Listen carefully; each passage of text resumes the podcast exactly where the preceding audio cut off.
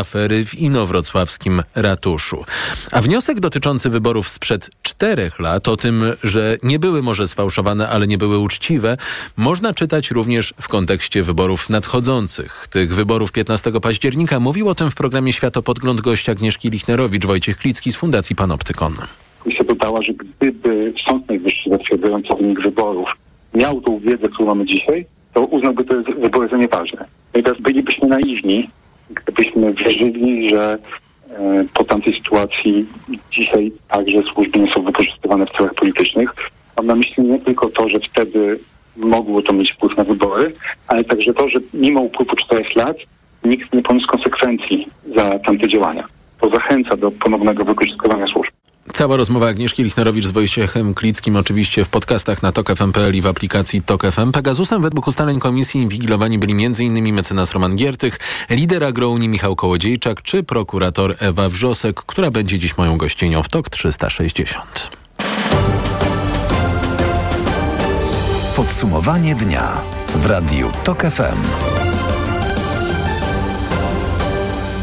Prawo i Sprawiedliwość przedstawia kolejny punkt swojego programu wyborczego. Obiecuje wprowadzenie obowiązku, aby markety w swojej ofercie miały minimum 2 trzecie owoców, warzyw, produktów mlecznych i mięsnych oraz pieczywa pochodzących od lokalnych dostawców. Pomysł to nie nowy. 51% polskiej żywności w sklepach, 51% chce agrounia. Autorstwo pomysłu przypisuje sobie też Lewica.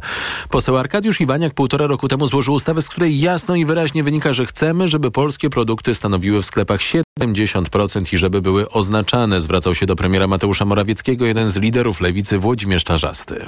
Złodzieju pomysłów. Rozumiem, że siedzisz i patrzysz na najlepszych. Lewica sięga półtora roku wstecz. Jeszcze dalej w poranku Radia Tok FM sięgał gość Macieja Głogowskiego Waldemar Pawlak z PSL-u. 15 lat temu pan poseł Zbigniew Komorowski zgłosił taką poprawkę PSL-u, która jest w prawie obecnie obowiązującym, ale stosowanym na wniosek zainteresowanej firmy, które mówi o tym, że supermarkety powinny mieć w swoich e, ofertach nie więcej niż 20% e, marki własnej, czyli marki mm, supermarketu.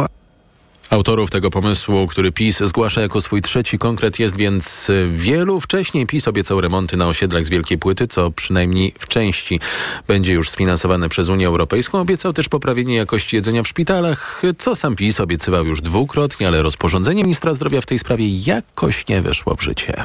TOK 360. To teraz zamiast obietnic prezenty. Czekać na nie nie trzeba, są już teraz. W TOK 360 wiceminister finansów Artur Soboń na rozpoczęciu roku szkolnego w podlubelskim Świdniku. Skąd tak się składa, startuje do Sejmu. 200 takich oto urządzeń, czyli czytników Kindle oraz tabletów. Chcę też powiedzieć panu ministrowi edukacji, który z niepokojem e, zapewne teraz myśli, że mamy w Ministerstwie Finansów jakiś odrębny program dla edukacji poza ministrem edukacji. Nie, chcę Państwu powiedzieć, że jest to prezent e, bezpośrednio od producenta tych urządzeń. To nie są e, środki z budżetu mm, państwa. Jest to e, prezent od producentów zrzeszonych w Związku Polska Cyfrowa, którzy dla świdnickich uczniów przez moje ręce a to ja już teraz przekazuję to panu dyrektorowi, taką oto niespodziankę na nowy rok szkolny zafundowali. To wiceminister Artur Soboń i jego prezent i od razu gość poranka Radia Tok FM, profesor Grzegorz Makowski z SGH, ekspert Forum Idei Fundacji Batorego. Jest tu ewidentny zgrzyt, znaczy, bo ja też e, nie chcę, żeby moje słowa by, jakby zostały zrozumiane w taki sposób, że producenci czy jacykolwiek pracodawcy nie mają prawa sobie założyć związku. E, mają mają i mają prawo to robić po to, żeby wpływać na przykład na proces legislacyjny, żeby brać udział w, w decyzjach publicznych i, i, to robią. Mają do tego um, odpowiednie organy, mają do tego Radę Dialogu Społecznego, jest ustawa o działalności lobbyingowej, mogą to robić. Natomiast kiedy tu dochodzi do takiego sprzężenia i to jeszcze w dodatku w okresie wyborczym, no to dla mnie jest to co najmniej podejrzane, mówiąc krótko, ponieważ to tworzy ryzyko tego rodzaju, że gdzieś tam w przyszłości być może ten czy inny producent będzie oczekiwał jakiejś tam odpłaty, czy to w formie jakiejś decyzji legislacyjnej, czy to w formie jakiegoś programu. Ja bym nie chciał, żeby takie ryzyka powstawały i żeby one nie powstawały, no to tego rodzaju sytuacji, z jaką mieliśmy tutaj miejsce, no nie powinniśmy mieć do czynienia. Cała rozmowa Macieja Głogowskiego z profesorem Grzegorzem Makowskim na tok.fm.pl i w aplikacji Tok FM. Swoją drogą czytnik zawsze coś, bo czwartoklasiści obiecane laptopy mają dostać dopiero pod koniec roku. Licealiści mają inne zmartwienia. Lekcje nawet przez 10 godzin dziennie do późnego popołudnia, niekiedy do wieczora. Tak wyglądają plany lekcji w wielu szkołach średnich. Uczniowie publikują zdjęcia planów w internecie i pytają, jak to możliwe, a dyrektorzy rozkładają ręce i przekonują, że to skutek kolejnych reform i braków kadrowych w szkołach. Krzysztof Horwat. Niektórym dyrektorom udało się dopiąć plany lekcji niemal w ostatniej chwili, bo jeszcze do niedawna szukali nauczycieli do pracy. Inni wciąż mają dziury, które będą musieli jakoś zapełnić.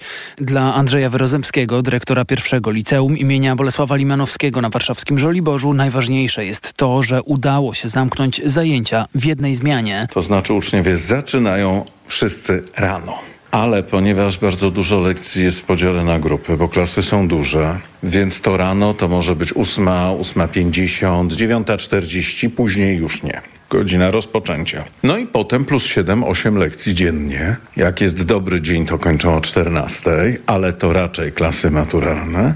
Natomiast pozostałe klasy mają lekcje do e, prawie 16, a czasem i bliżej 17. W 160. liceum imienia Stefana Grota-Roweckiego na Ochocie też nie było łatwo. Niektóre klasy mają lekcje od 7.30 do 16.15, mówi wicedyrektorka Ewelina Korcz. My mamy akurat szkołę taką, w której mamy sporo osób dojeżdżających przyjeżdżających spod Warszawy, najczęściej tutaj e, na Darzyn, ale też i z Grójca, więc tych kilometrów do zrobienia mają naprawdę całkiem sporo, więc no tutaj ten autobus, który jest na przykład teraz na godzinę, no to powoduje, że ten plan kończący się 16-15, to te dzieci no, w domu są dość późno. Powodów trudności z ułożeniem planów jest kilka. Półtora rocznika to jest pierwszy problem. Ilość klas, ilość godzin, które te klasy muszą e, mieć, bo siatki godzin są dosyć ścisłe, więc nie możemy przesunąć na przykład na następny rok tych godzin, tylko one muszą być zrealizowane na przykład w klasie pierwszej. Dyspozycyjność nauczycieli. Nauczyciele, którzy łączą etaty, no są dostępni w konkretnych godzinach ścisłych, więc musimy się do nich dostosować. No i też pojemność szkoły.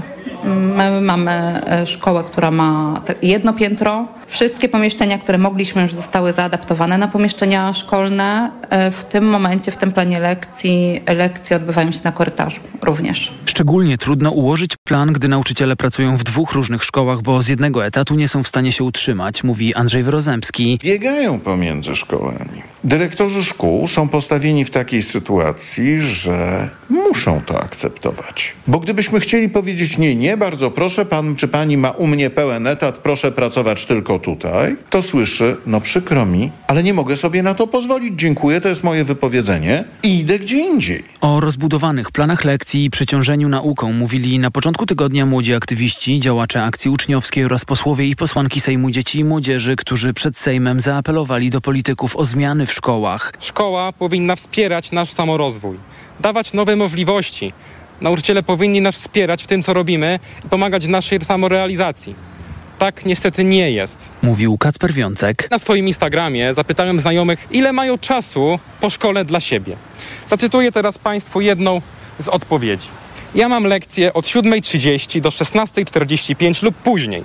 W tym roku przez co nie będę mieć czasu na większość rzeczy, bo będąc w trzeciej klasie liceum, mamy już przed rozpoczęciem zaplanowany sprawdziany na pierwszy tydzień. Dodatkowo okropny jest fakt, że w ciągu roku szkolnego poprzedniego chodziłam spać około druga w nocy, a wstawałam 5.30 ze względu na dojazd. Tyle zajmowała mi nauka i prace domowe, które są zadawane z większości przedmiotów. Taka jest niestety prawda. Młodzi aktywiści oczekują od polityków dialogu z uczniami. Chcą szkoły bezpiecznej, tolerancyjnej i uczącej kluczowych kompetencji. Swoje propozycje propozycje zmian aktywiści zanieśli do Ministerstwa Edukacji, do Kancelarii Sejmu i Kancelarii Prezydenta. Krzysztof Chorwat, wielkie dzięki.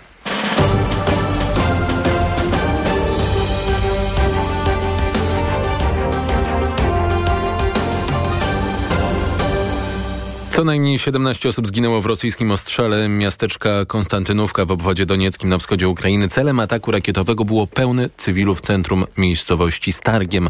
Do ataku doszło w dniu, w którym z niezapowiedzianą wizytą do Kijowa i wsparciem przyjechał amerykański sekretarz stanu Antony Blinken. Chcemy się upewnić, że Ukraińcy mają wszystko, czego potrzebują do sukcesu w kontrofensywie, ale także wszystkiego, co jest konieczne do zbudowania silnego środka odstraszającego, tak żeby taka agresja nigdy się już nie wydarzyła. Na spotkaniu z szefem ukraińskiej dyplomacji Dmytrem Kulebą Blinken zapewniał, że Amerykanie widzą postępy w ukraińskiej kontrofensywie i to kontrofensywa, nie warte miliard dolarów wsparcie, z którym przyjechał amerykański sekretarz stanu jest głównym powodem tej wizyty. Tłumaczył to w popołudniu Radia Tok FM Piotr Andrusieczko z Gazety Wyborczej. To jest taki jeden z większych pakietów pomocowych w ostatnim czasie. Natomiast oczywiście no, tutaj ta wizyta jest związana również, czy może przede wszystkim z tym, jakby z rozpoznaniem swego rodzaju przez stronę amerykańską, jakie są właśnie potrzeby ukraińskiej strony, jeżeli chodzi o front, jak wygląda sytuacja z kontrofensywą. Wizyta Blinkena w Kijowie ma potrwać do jutra. Tok 360. Nie będziemy sprowadzać do Polski ukraińskiego zboża także po 15 września, zapowiada w rozmowie z reporterem TOK FM Tomaszem Settą były wicepremier i były minister rolnictwa Henryk Kowalczyk. Połowa września to moment, gdy wygasa obecnie obowiązujący zakaz importu dla ukraińskich produktów rolnych wprowadzony przez Komisję Europejską. Dziś o przedłużeniu zakazu albo jego zakończeniu dyskutowało kolegium unijnych komisarzy. Decyzje żadne na razie nie zapadły. Henryk Kowalczyk liczy, że komisja podzieli w tej sprawie stanowisko polskiego rządu. Ja nie wiem, jaka będzie decyzja kolegium komisarzy. Ufam, że będzie przedłużenie zakazu. A jeśli nie będzie? Jeśli nie będzie, to Polska jest zdeterminowana. Zresztą nie tylko Polska. Kraje przygraniczne z Ukrainą są zdeterminowane, żeby ten zakaz przedłużyć. Jednostronnie? No, jedno, no nie będzie to jednostronnie. Czyli wbrew unijnym? Wielostronnie. Będzie to wielostronnie. Oprócz Polski za utrzymaniem zakazu dla importu ukraińskiego zboża opowiadają się Węgry, Słowacja, Rumunia i Bułgaria. Polska proponuje przy tym wsparcie finansowego transportu ukraińskiego zboża tak, aby opłacało się je wywozić do portów i transportować dalej w świat. Ucieczka z kraju ogarniętego wojną nie oznacza, że kobieta jest już bezpieczna, mówi Annie Piekutowskiej Nastia Podorożna, aktywistka i wolontariuszka, założycielka sieci pomocowej Martynka o najważniejszych potrzebach kobiet Ukrainy tu w Polsce. Dziś w Biuletynie Rewolucyjnym po 19.20. W zeszłym roku o 600% wyrosła liczba pytań o kontent pornograficzny z ukraińskimi dziewczynami i kobietami. No to o, o czym my mówimy?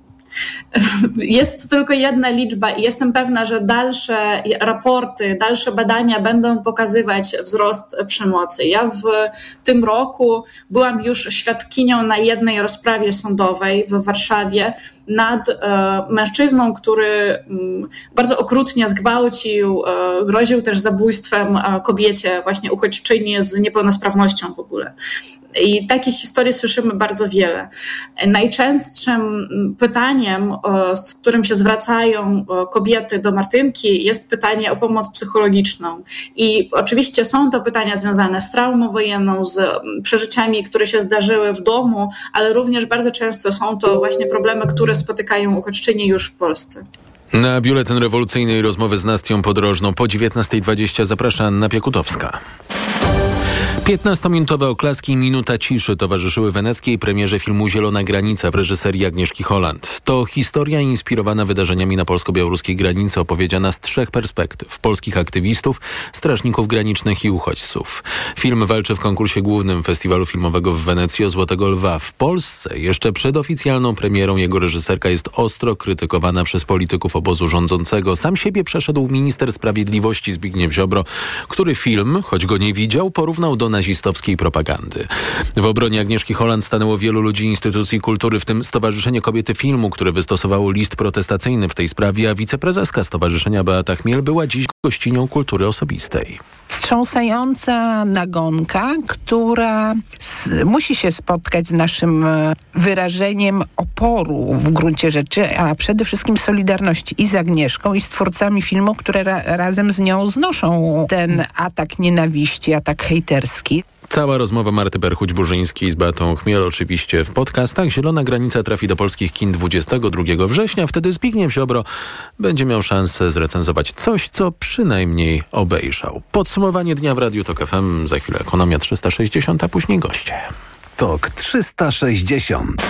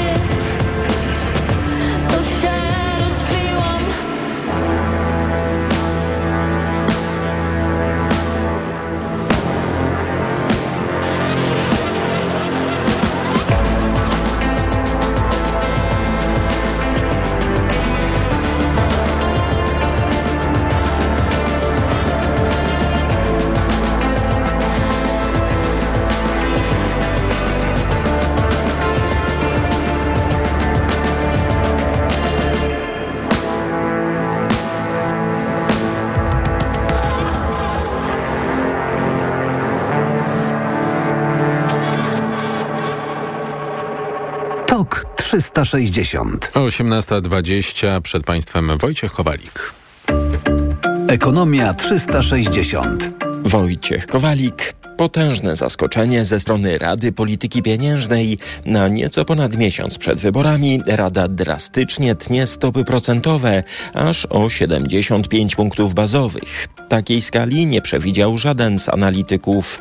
Dla kredytobiorców oznacza to obniżkę rat. Dla standardowego kredytu na 300 tysięcy złotych sprzed dwóch lat o mniej więcej 150-200 zł miesięcznie, wylicza Jarosław Sadowski z Może być tak, że ktoś e, właściwie już w październiku będzie miał niższą ratę, ale też w niektórych przypadkach, zwłaszcza jeżeli oprocentowanie jest oparte o WIBOR 6M, czyli gdy aktualizacja odbywa się co 6 miesięcy, no wtedy może się okazać, że dopiero w przyszłym roku, na przykład na początku przyszłego roku, ta rata e, spadnie. Trzeba dodać, e, że mimo, że ta obniżka stóp procentowych jest zaskakująco wysoka, to ta rata po obniżce i tak wciąż będzie zdecydowanie wyższa niż była w początkowym okresie spłaty, no bo wtedy mieliśmy rekordowo niskie stopy procentowe i rata tego naszego kredytu wynosiła 1176 zł, więc nawet te 2218 zł już po uwzględnieniu tej mm, obniżki stóp to i tak wciąż będzie zdecydowanie więcej. A to najprawdopodobniej nie koniec obniżek stóp, komentuje Piotr Bartkiewicz, ekonomista banku PKO SA. Pytanie teraz, czy, czy to jest początek yy, serii, czy raczej coś wyjątkowego? No w tym momencie, na tę chwilę, biorąc pod uwagę to, co my tutaj widzimy, a widzimy bardzo mało, to jest raczej taka no, próba skoncentrowania pierwszego ruchu. Kolejne będą pewnie w mniejszej skali, natomiast to nie jest ostatnie cięcie. Myślę, że można się spodziewać cyklu, tylko że on będzie taki no, mniej harmonijny, mniej równomierny niż y, wcześniej się spodziewaliśmy. Myśl, trzeba, trzeba, trzeba myśleć o tym w ten sposób, że Rada będzie ciąć, zatrzymywać się, oceniać y, sytuację. Myślę też, że to, to, to cięcie o 75 punktów bazowych kupiło trochę czasu Radzie na, na, obserwację, na obserwację gospodarki. Ale dzisiejsza decyzja Rady oznacza też cios w złotego, którego kurs się załamał. Euro kosztuje 4 zł 57 groszy, frank już po 4,78, dolar 4,26, a funt 5,33. A jutro decyzję Rady będzie tłumaczył prezes Narodowego Banku Polskiego. Tu Radio Tok FM, pierwsze radio informacyjne. Ropa naftowa cały czas drożeje i jest teraz najdroższa od listopada ubiegłego roku. Baryłka ropy na giełdzie w Londynie znów przekroczyła psychologiczny próg 90 dolarów za baryłkę. Rynki zaniepokoiły informacje, że Arabia Saudyjska i Rosja ograniczą dostawy ropy do końca tego roku. A eksperci nie wykluczają, że w tym czasie ropa może zdrożeć nawet do 100 dolarów dolarów za baryłkę, a to już bardzo zła wiadomość z punktu widzenia cen paliw na stacjach. Francuskie władze chcą zaproponować Unii Europejskiej politykę minimalnych cen biletów lotniczych. Chodzi o doprowadzenie do ograniczenia liczby lotów, a tym samym emisji gazów cieplarnianych. Pytanie, jak Francja chciałaby to zrobić? Zastanawiał się w TOK FM Dominik Sipiński z Polityki Insight. Jeśli mówimy o takim faktycznie wprowadzeniu administracyjnym, że najtańszy bilet miałby kosztować x euro, to to jest e, i prawnie, i, i praktycznie, prze, przede wszystkim praktycznie bardzo trudne do wyobrażenia, prawdopodobnie niemożliwe. Natomiast e, pojawiają się też możliwości czy zapowiedzi ze strony francuskiej, zresztą nie tylko, że miałoby się to tak naprawdę odbyć poprzez e, po prostu wprowadzenie nowych podatków, które nie tyle by wprowadziły jakąś taką no właśnie mm, barierę cenową, poniżej której nie można sprzedawać, tylko nałożyłyby dodatkowe e, podatki, które no w, w jakimś takim mechanizmie powiedzmy quasi rynkowym nawet spowodowałyby po prostu podniesienie cen biletów i to już jest jak najbardziej um, zdecydowanie bardziej możliwe. Francja już wcześniej próbowała ograniczać loty na krótkich dystansach na rzecz promowania kolei. A na koniec jeszcze o nowym trendzie, jaki pojawia się na rynku pracy na Zachodzie. To tak zwana praca leniwa, pojawiająca się zwłaszcza wśród młodych pracowników, wskazuje Anna Wicha, prezes Polskiego Forum HR. Trend zawodowy, który odnosi się do pracy o niskim poziomie stresu, ale jednocześnie o dosyć dobrym e, wynagrodzeniu. I oczywiście jest to taki protest, e, można powiedzieć, młodzieży przeciwko temu, e, jak organizowana jest praca w tak zwanej korporacyjnej Ameryce. No i pytanie, kiedy to przyjdzie do nas, a, a z drugiej strony to daje też firmom taką możliwość reakcji. Pojawiają się takie, bym powiedziała, dobre rady ze strony e, organizacji, które zarządzają czy pomagają zarządzać karierami pracowniczymi o tym, że tego typu e, pokazanie siebie w pracy powoduje, że jesteśmy po prostu piersi do zwolnienia. Także uważajmy na leniwą pracę. A ten trend zatacza coraz szersze kręgi wśród młodych ludzi w mediach społecznościowych. Ekonomia 360. Pogoda. Jutro przeważnie słonecznie, zachmurzy się tylko nieco w północno-wschodniej części Polski, ale to też tylko od czasu do czasu na termometrach od 20 do 24 stopni w górach, a poza tym od 24 do 27. Radio TOK FM. Pierwsze radio informacyjne.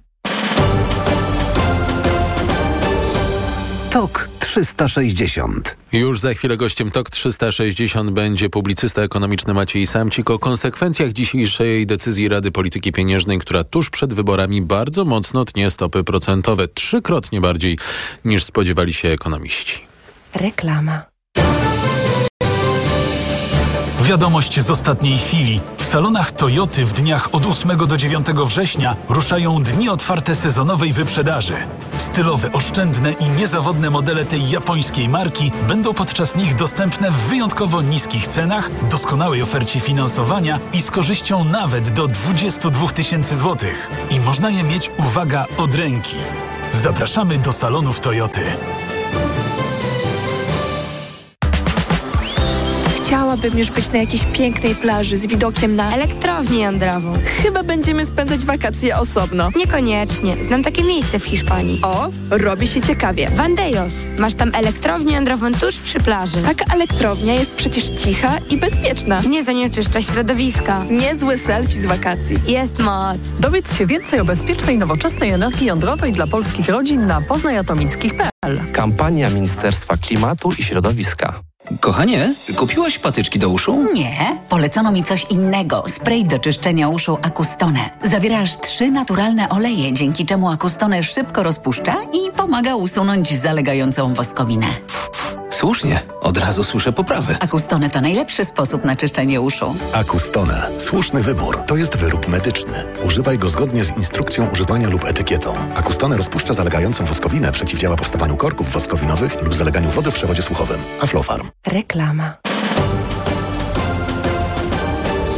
TOK 360. A gościem TOK 360 jest Maciej Samcik, publicysta ekonomiczny, właściciel strony Subiektywnie o Finansach. Dzień dobry. Witam serdecznie. Rada Polityki Pieniężnej drastycznie, bo aż o 75 punktów y, bazowych ścięła stopy procentowe. Główna stopa wynosi teraz 6%. To oznacza odczuwalną obniżkę dla kredytobiorców. Jeżeli przyjąć taki średni kredyt na 300 tysięcy sprzed dwóch lat, to może być obniżka mniej więcej 150-200 złotych. Rozumie pan tę decyzję? E, powiem szczerze na temat, na, na, na podstawie tych danych ekonomicznych, do których mam dostęp, e, to nie ale zakładam, że Rada Polityki Pieniężnej może wiedzieć coś więcej o stanie naszej gospodarki. Być może ten stan gospodarki ocenia znacznie gorzej niż to mówi rząd, niż, niż to wynika z danych oficjalnych GUS-u. I jeśli rzeczywiście jest ryzyko przedłuża, przedłużania się recesji w Polsce i istnieje konieczność ochrony miejsc pracy, nawet kosztem wysokiej inflacji i zniszczenia ponownego oszczędności Polaków, no to być może miałoby to okruchy sensu, ale e, powiem szczerze, to jest e, no, jeden ze scenariuszy. Jest też drugi, który mówi, że jest to decyzja oderwana od jakichkolwiek ekonomicznych aspektów i, i danych, wyłącznie polityczna, która ma pokazać Polakom, że walka z inflacją jest wygrana, że wygrał ją obecnie e, rządzący rząd i że no, jeśli go wybierzemy na kolejną kadencję, to inflację zniszczy zupełnie. Co oczywiście jest sygnałem fałszywym, bo nie możemy jeszcze powiedzieć, że, że wojna z inflacją została wygrana, a co gorsza ta decyzja, ona może utrudnić zwycięstwo z inflacją. Zupełnie co innego chyba wynika z komunikatu Narodowego Banku Polskiego. Napływające w ostatnim czasie dane wskazują na mniejszą od wcześniejszych oczekiwań presję popytową, co będzie oddziaływać w kierunku szybszego powrotu inflacji do celu NBP. Ja przypomnę, że ten cel to jest 2,5%. Jak przełożyć mniej więcej na polski te słowa, które przytoczyłem przed chwilą? W mniejsza od wcześniejszych oczekiwań presja popytowa i to ma y, przyspieszyć spadek inflacji. Miałoby. Być może, e, być, być może to trzeba rozumieć e, w taki sposób, że sytuacja gospodarcza e, Polski jest gorsza niż myśleliśmy. To jest taki eufemizm oczywiście Rada Polityki Pieniężnej. Nie od tego ma Adama Glapińskiego na czele, żeby straszyć Polaków, że jest źle i niedobrze. Więc użyła znacznie łagodniejszego sformułowania, które być może właśnie to oznacza. Znaczy uważamy, że sytuacja w gospodarce, w gospodarce jest coraz gorsza, dlatego musimy obniżać stopy mimo wysokiej inflacji.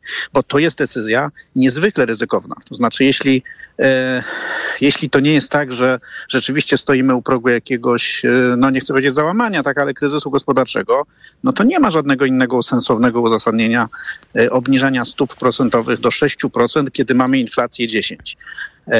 W Ameryce mają już wyższe stopy procentowe niż inflacja dzisiaj, nie mówiąc już o, o tym, czego się spodziewają. No a my My spodziewamy się, e, że za rok ta inflacja, jak dobrze pójdzie, to ona będzie wynosiła, nie wiem, może 7, może 6,5% e, i już dzisiaj obniżamy stopy do 6. To jest e, no, trudne do zrozumienia z takiego racjonalnego punktu widzenia. Z punktu widzenia kogoś, kto no, ma tyle danych, ile podaje GUS. Tak? No, Rada Polityki Pieniężnej ma więcej danych, więc być może oni widzą coś więcej.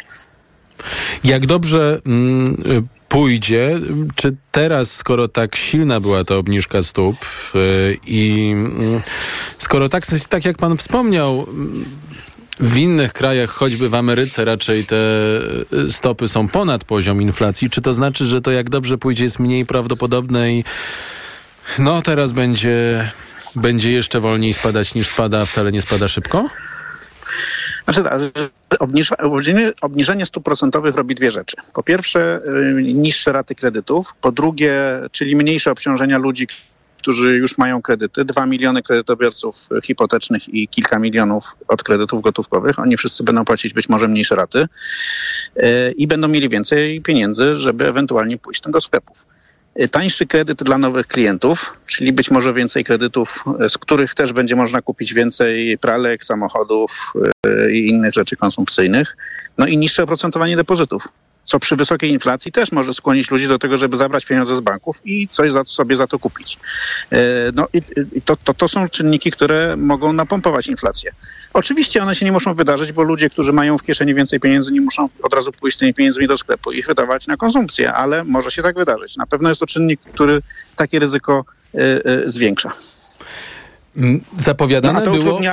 A to, to oczywiście utrudni walkę z inflacją. Zapowiadane było kilka obniżek stóp procentowych, ale też ta dzisiejsza przewidywana była na poziomie 25 punktów y, bazowych. Ja wiem, że trudno siedzieć y, w głowach członków Rady Polityki y, Pieniężnej, zwłaszcza, że mm, mamy pewne powody, żeby podejrzewać, że to jest ruch polityczny, który nastąpił dzisiaj, ale czy to znaczy, że mm, tych podwyżek pod obniżek może jednak nie być kilku, czy idziemy na zbijanie y, tej, y, tych stóp procentowych na ostro? No po tym numerze, który Rada Polityki Pieniężnej właśnie wykręciła, to ja już nie jestem w stanie powiedzieć, y, że coś jest niemożliwe, tak?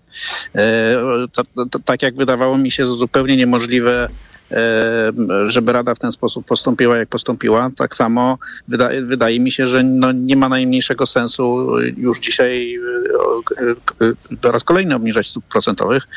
Natomiast sama idea, żeby to zrobić raz a dobrze, no, jest, jest jakoś do obrony. Znaczy, jeśli Rada Polityki Pieniężnej chciała wywołać jakiś realny efekt dla gospodarki, negatywny lub pozytywny, to jest kwestia pewnie przyszłości i oceny tej przyszłości, ale jeśli chcieli rzeczywiście nie, nie zrobić tylko takiego symbolicznego ruchu, żeby nam się coś wydawało, ale które realnie nie ma żadnego znaczenia dla gospodarki, tylko chcieli tak, tak przywalić, żeby realnie coś zmienić, no to, no to przywalili i zmienią.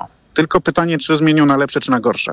No tutaj no nie mam dobrych przeczuć, ale mogę być w błędzie i też mamy dużo mniej danych e, do oceny gospodarki niż ma Rada Polityki Pieniężnej.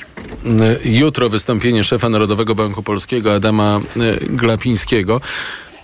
Zastanawiam się, czy trochę nie szkoda, że nie wiemy, co się dzieje za kulisami, jak wygląda ta dyskusja pomiędzy członkami Rady wskazanymi przez y, stronę rządzącą i przez opozycję.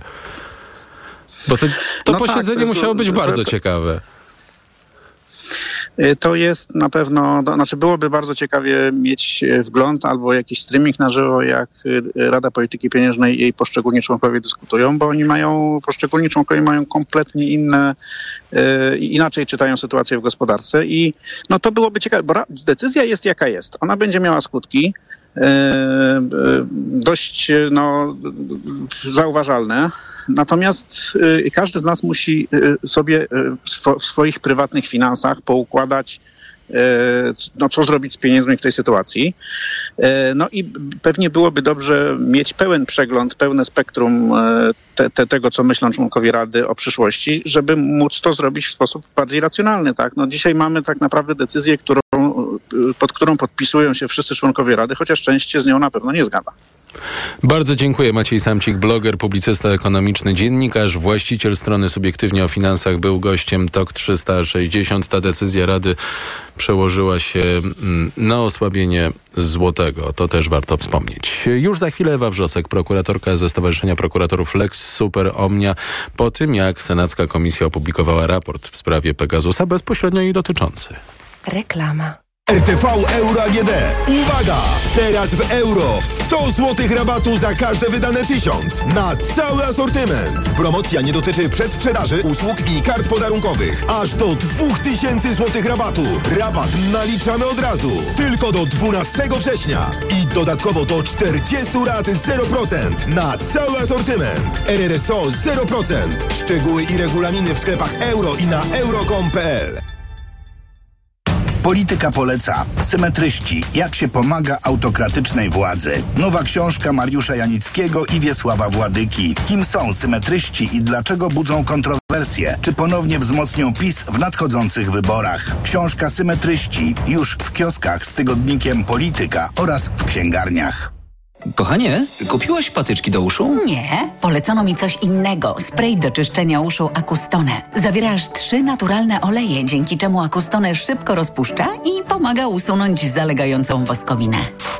Słusznie, od razu słyszę poprawy. Akustone to najlepszy sposób na czyszczenie uszu. Akustone. Słuszny wybór. To jest wyrób medyczny. Używaj go zgodnie z instrukcją używania lub etykietą. Akustone rozpuszcza zalegającą woskowinę, przeciwdziała powstawaniu korków woskowinowych lub zaleganiu wody w przewodzie słuchowym. Aflofarm. Po co bierzesz aż tyle różnych tabletek na odporność? Jak to? Witamina C, witamina D i cynk? Bo chcę wzmocnić organizm. Kochanie, przecież kupiłam Ascorvite Max. Wszystko masz w jednej tabletce. Nie musisz już kupować trzech produktów. Ascorvita Max? Tak, suplement diety Ascorvita Max. Zawiera aż 1000 mg witaminy C, a do tego wysoką dawkę witaminy D i cynku. Wszystko, czego potrzebujesz, by wzmocnić odporność. Ascorvita Max. Odporność na najwyższym poziomie. Zdrowit. Szukasz elektryzujących przeżyć za kierownicą i komfortu w podróży dla całej rodziny? Poznaj specjalny model w pełni elektrycznego Mercedesa EQB. Zachwyć się jego zaawansowanymi technologiami i przestronnym wnętrzem, które zapewni miejsce aż siedmiu pasażerom. Model specjalny Mercedesa EQB to też nowa atrakcyjna cena oraz korzystne finansowanie w programie Lease and Drive dla przedsiębiorstw już od 849 zł netto miesięcznie z dofinansowaniem Mój Elektryk. Szczegóły na mercedes-benz.pl Wy też tak macie, że chcielibyście i to, i tamto, i płacić jak najmniej? Teraz światłowód plusa i telewizja Polsat Box z Disney Plus. Już od 19 zł miesięcznie przez pierwszy rok po rabatach. Szok! Szok! Telewizja Polsat Box z Disney Plus i światłowód plusa tylko teraz razem już od 19 zł miesięcznie przez pierwszy rok po rabatach i odpowiednio od 98 zł i 99 groszy w drugim roku i 127 zł i 99 groszy po dwóch latach. Polsat Box i Plus. Szczegóły w punktach sprzedaży i na www. Ale chwileczkę, bo w Biedronce są biedronkowe oszczędności. Podążaj za nimi codziennie. Do środy. Udo lub podudzie kurczaka pakowane próżniowo Kraina Mięs Megapaka. Tylko 6,99 za kilogram. Limit 3 kg na jedną transakcję. A do soboty wszystkie jaja z chowu ściółkowego Moja Kurka 25% taniej. Oraz wszystkie lody familijne i sorbety Marletto od 500 ml do 1 litra. Drugi produkt 70% taniej. Oto powody, by iść do Biedronki. Bo w media ekspert taniej masz. O tak, taniej masz. To niskich cen jest czas. Mega okazje w Media Expert. Na przykład rewelacyjny smartfon Samsung Galaxy M33, poczwórny aparat, technologia 5G, pojemna bateria w super cenie za 999 zł. Bo w Reklama. Tok 360. Gościnią TOK 360 jest Ewa Wrzosek, prokuratorka ze Stowarzyszenia Prokuratorów Lex Super Omnia. Dzień dobry. Dzień dobry panie redaktorze, dzień dobry państwu. Senacka Komisja do Spraw Pegasusa przyjęła raport ze swoich prac. W Polsce używano Pegasusa w stopniu niezwykle agresywnym. E, Stwierdziła komisja, uznała również, że wybory z 2019 roku nie były może sfałszowane, ale nie były też uczciwe i nie dawały uczestnikom równych szans. Oprócz tego są zawiadomienia do prokuratury. Pani była inwigilowana Pegasusem. Jaka z pani punktu widzenia jest waga tego raportu?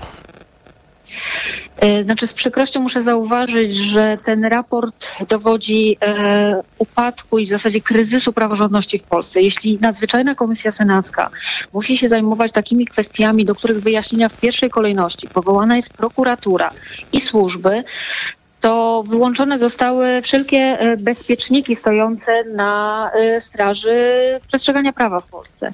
Waga tego raportu jest e, bardzo istotna, zwłaszcza jeżeli połączymy go z raportem, który w czerwcu tego roku opublikowała Komisja Parlamentu Europejskiego zajmująca się podobnymi kwestiami. I również w tym raporcie Komisji Parlamentu Europejskiego bardzo dużo uwagi poświęcono właśnie Polsce i właśnie tym kwestiom, na które pan redaktor zwrócił uwagę, czyli w szczególności e, zagrożeniom dla e, demokratycznych, wolnych e, wyborów, które w 2019 roku były w Polsce przeprowadzane. I, i, I mam wrażenie, że nie wyciągnięto z tego wniosków, bo, bo dzisiejsze najnowsze doniesienia prasowe o wystąpieniu przez prokuraturę o uchylenie immunitetu wobec senatora Brejzy, który był osobą chyba najbardziej poszkodowaną tą nielegalną e, inwigilacją Pegasusem, no świadczą o tym, że po prostu historia z roku 2019 się powtarza. Senator Brejza był szefem sztabu Koalicji Obywatelskiej, stąd e, myślę nie bez wpływu było to na wątek e, wyborczy, o którym wspomniałem. To wszystko jest pewna diagnoza rzeczywistości, która myślę, że to jest bardzo ważne, znajduje swoje miejsce w oficjalnym dokumencie m, parlamentarnym Senatu. M, Sprawa bardzo ważna. A realny wpływ na rzeczywistość tego e, raportu jakiś pani widzi? E, Raport jest bardzo dobrze udokumentowany. To są e, dziesiątki przesłuchanych osób, nie tylko pokrzywdzonych e, tą nielegalną inwigilacją, ale również ekspertów prawnych. To są opinie, to są ekspertyzy z laboratorium Citizen Lab, z Amnesty International.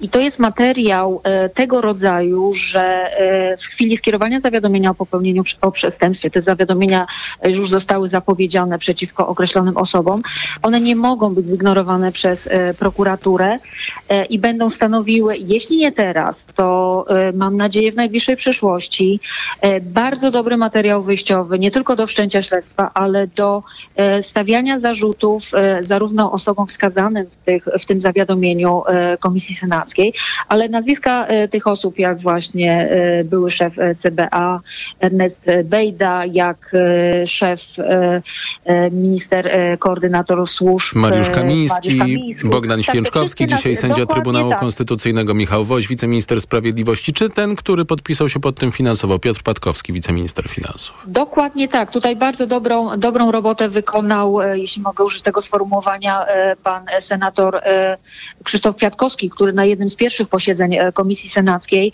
przedłożył dokumenty dotyczące zakupu tego programu przez Polskę. Więc tutaj ten materiał zebrany przez Komisję Senacką, który tak jak mówię, tak naprawdę powinien być zebrany przez prokuraturę i prokuratora generalnego. E, Nie zapominajmy, że prokurator generalny zgodnie z obowiązującym aktualnie prawem jest e, wśród jego obowiązków e, leży również kontrola nad stosowanymi przez służby środkami operacyjnymi, w tym również kontrolą operacyjną, do której wykorzystywano choć z nadużyciem prawa Pegasusa. Więc jeżeli ta kontrola jest niewydolna, jeżeli prokurator generalny. Tak naprawdę bagatelizuje problem i widziałam już dzisiaj, że wr- wraca narracja czy dla tego konia, czy też e, gry, e, gry e, jakiejś komputerowej, zamiast próby rozwiązania czy wyjaśnienia realnego problemu, jaka jest, jaką jest nielegalna inwigilacja, podkreślmy to jeszcze raz, dziesiątek obywateli, bo to nie są tylko te nazwiska, które zostały ujawnione podczas obrad komisji. To są dziesiątki osób, które być może nawet nie wiedzą, że były obiektami takiej kontroli operacyjnej. A co istotne, w tym raporcie również e, senatorowie proponują na przyszłość rozwiązania takie, które przed takimi nielegalnymi działaniami służb państwowych mają nas zabezpieczyć. Dlaczego my od lat rozmawiamy o tym, że w przyszłości my potrzebujemy takich e, rozwiązań? To nie jest sprawa, której nie załatwiło tylko Prawo i Sprawiedliwość, wykorzystując, pe, wykorzystując Pegasusa, więc korzystając na tym, że ta kontrola jest e, w praktyce e, żadna, ale to jest sprawa, która powinna być załatwiona dużo, dużo wcześniej, jeżeli w ogóle nie na początku lat 90. Ja myślę, że I, trwa, jak mieć wiarę w to, że to zostanie załatwione w przyszłości?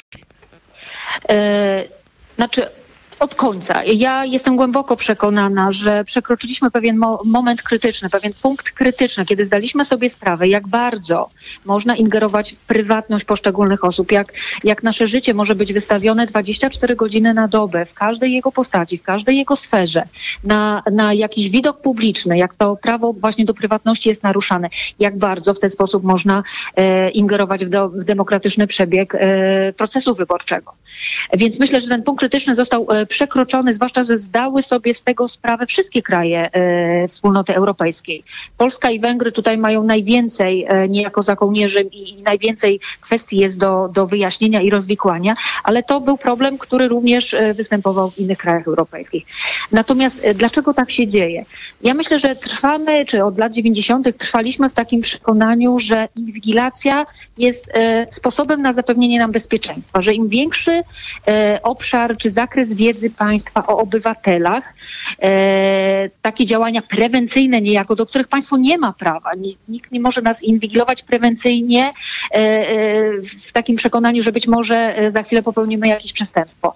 Więc być może właśnie takie przekonanie, że państwo, aby było skuteczne w walce z przestępczością, musi dysponować wszystkimi mechanizmami, w tym również takimi, e, do których stosowania no, nie ma podstaw prawnych, bo procedury, przepisy uprawniające i służby specjalne, i policję, prokuraturę do tego, aby e, walczyły z przestępczością, by zapewniały bezpieczeństwo obywatelom, e, mają e, funkcje gwarancyjne. Właśnie chodzi o to, że nasze bezpieczeństwo jest oczywiście bardzo istotną wartością, natomiast no, nie można naruszać naszych podstawowych uprawnień, konstytucyjnych uprawnień po to, aby uzasadnić ingerencję, tak głęboką ingerencję w naszą prywatność. Krótko na koniec zapytam, y, czy oczekuje Pani jakiejś formy zadośćuczynienia mm, po tym, że była Pani inwigilowana mm, Pegasusem? Na razie jest to napisane czarno na białym w oficjalnym y, parlamentarnym dokumencie.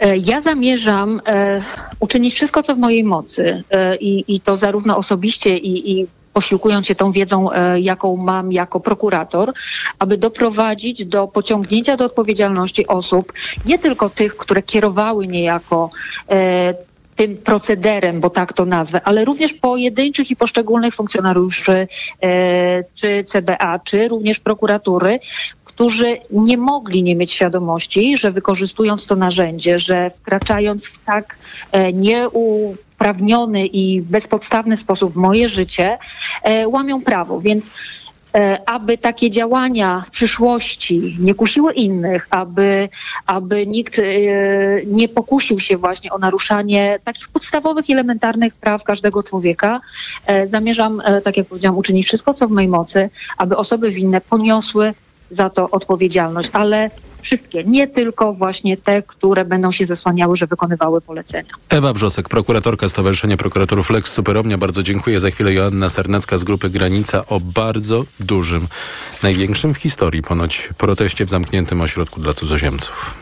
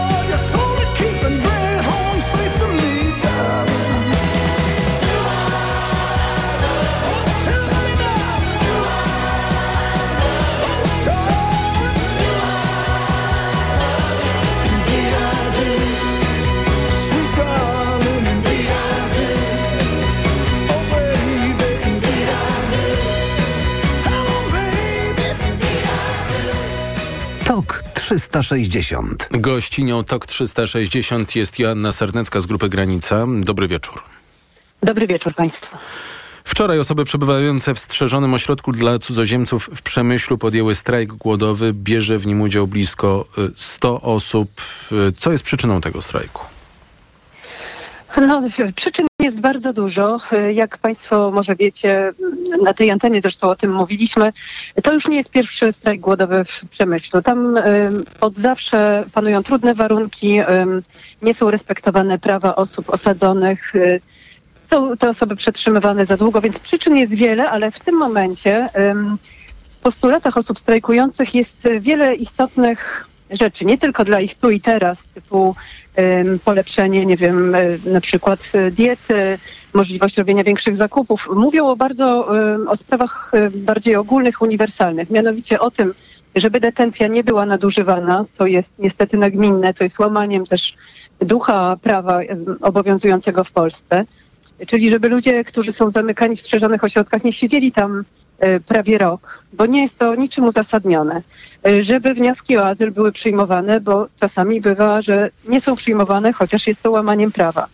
E, Osoby też e, proszą o to, żeby ten czas został wykorzystany na integrację, na naukę języka polskiego, żeby nie był to zmarnowany czas. E, I wydaje się, że to są bardzo racjonalne głosy. E, Ich zmęczenie, ich desperacja powoduje, że no, muszą działać w taki sposób, a nie inny i to jest jedyna droga do zwrócenia na siebie też uwagę i na ten problem detencji, która w Polsce jest zdecydowanie nadmiarowa.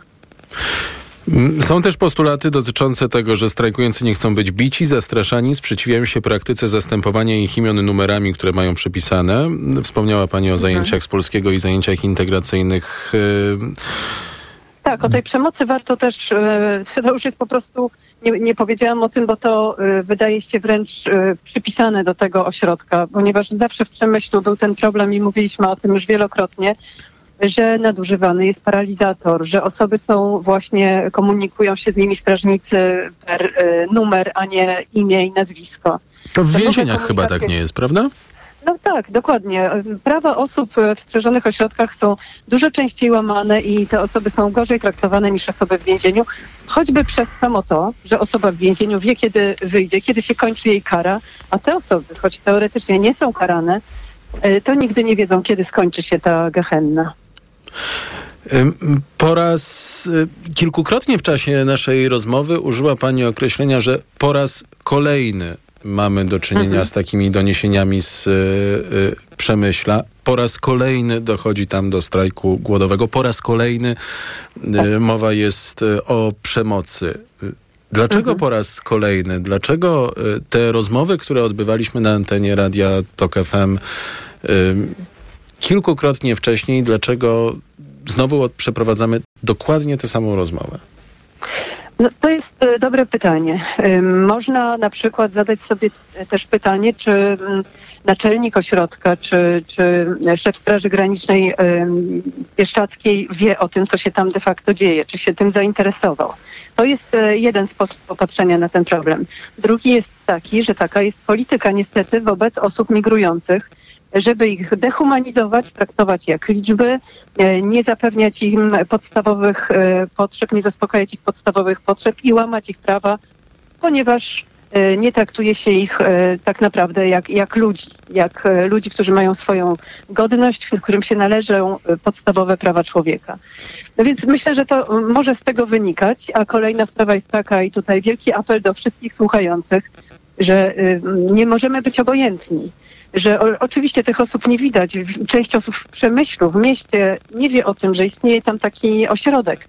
Osoby na dworcu. Wczoraj dosłownie byłam e, w sytuacji, kiedy e, osoby z punktu pomocy dla, e, dla Ukraińców na dworcu dzwoniły do mnie, bo były potrzebne pieniądze na bilety dla osób, które wyszły ze strzeżonego ośrodka, ponieważ te osoby są często wypuszczone i one wychodzą na ulicę bez pieniędzy, mają się dostać do jakiegoś otwartego ośrodka pod Warszawą, są y, zupełnie w innym kraju, nie znają języka, nikt ich nie zaprowadzi, y, nikt im nie kupił biletu, nie mają pieniędzy i w tej sytuacji trafiają na dworzec, no i trzeba było kupić im, y, im te bilety i jakoś zapobiec tej sytuacji. Ale mówię o tym, że nawet tam ludzie nie wiedzą, że jest taki ośrodek, że jest taka sytuacja, że tak są łamane prawa tych ludzi. Więc po prostu wszyscy musimy być czujni, ponieważ łamane są prawa tych ludzi, co znaczy, że są łamane prawa człowieka w naszym kraju i to w pewnym momencie może również dotyczyć nas, osób nam bliskich. E, I ogólnie chyba nie chcemy żyć w takim kraju, w którym tak się traktuje innych ludzi. Joanna Sernecka z grupy Granica była gościnią TOK 360. Bardzo dziękuję. Za chwilę najświeższe informacje Sport 360. y, Kampanijny dzień, kampanijny szlak wspólnie z Wawrzyńcem Zakrzewskim, no i gabinet cieni oczywiście.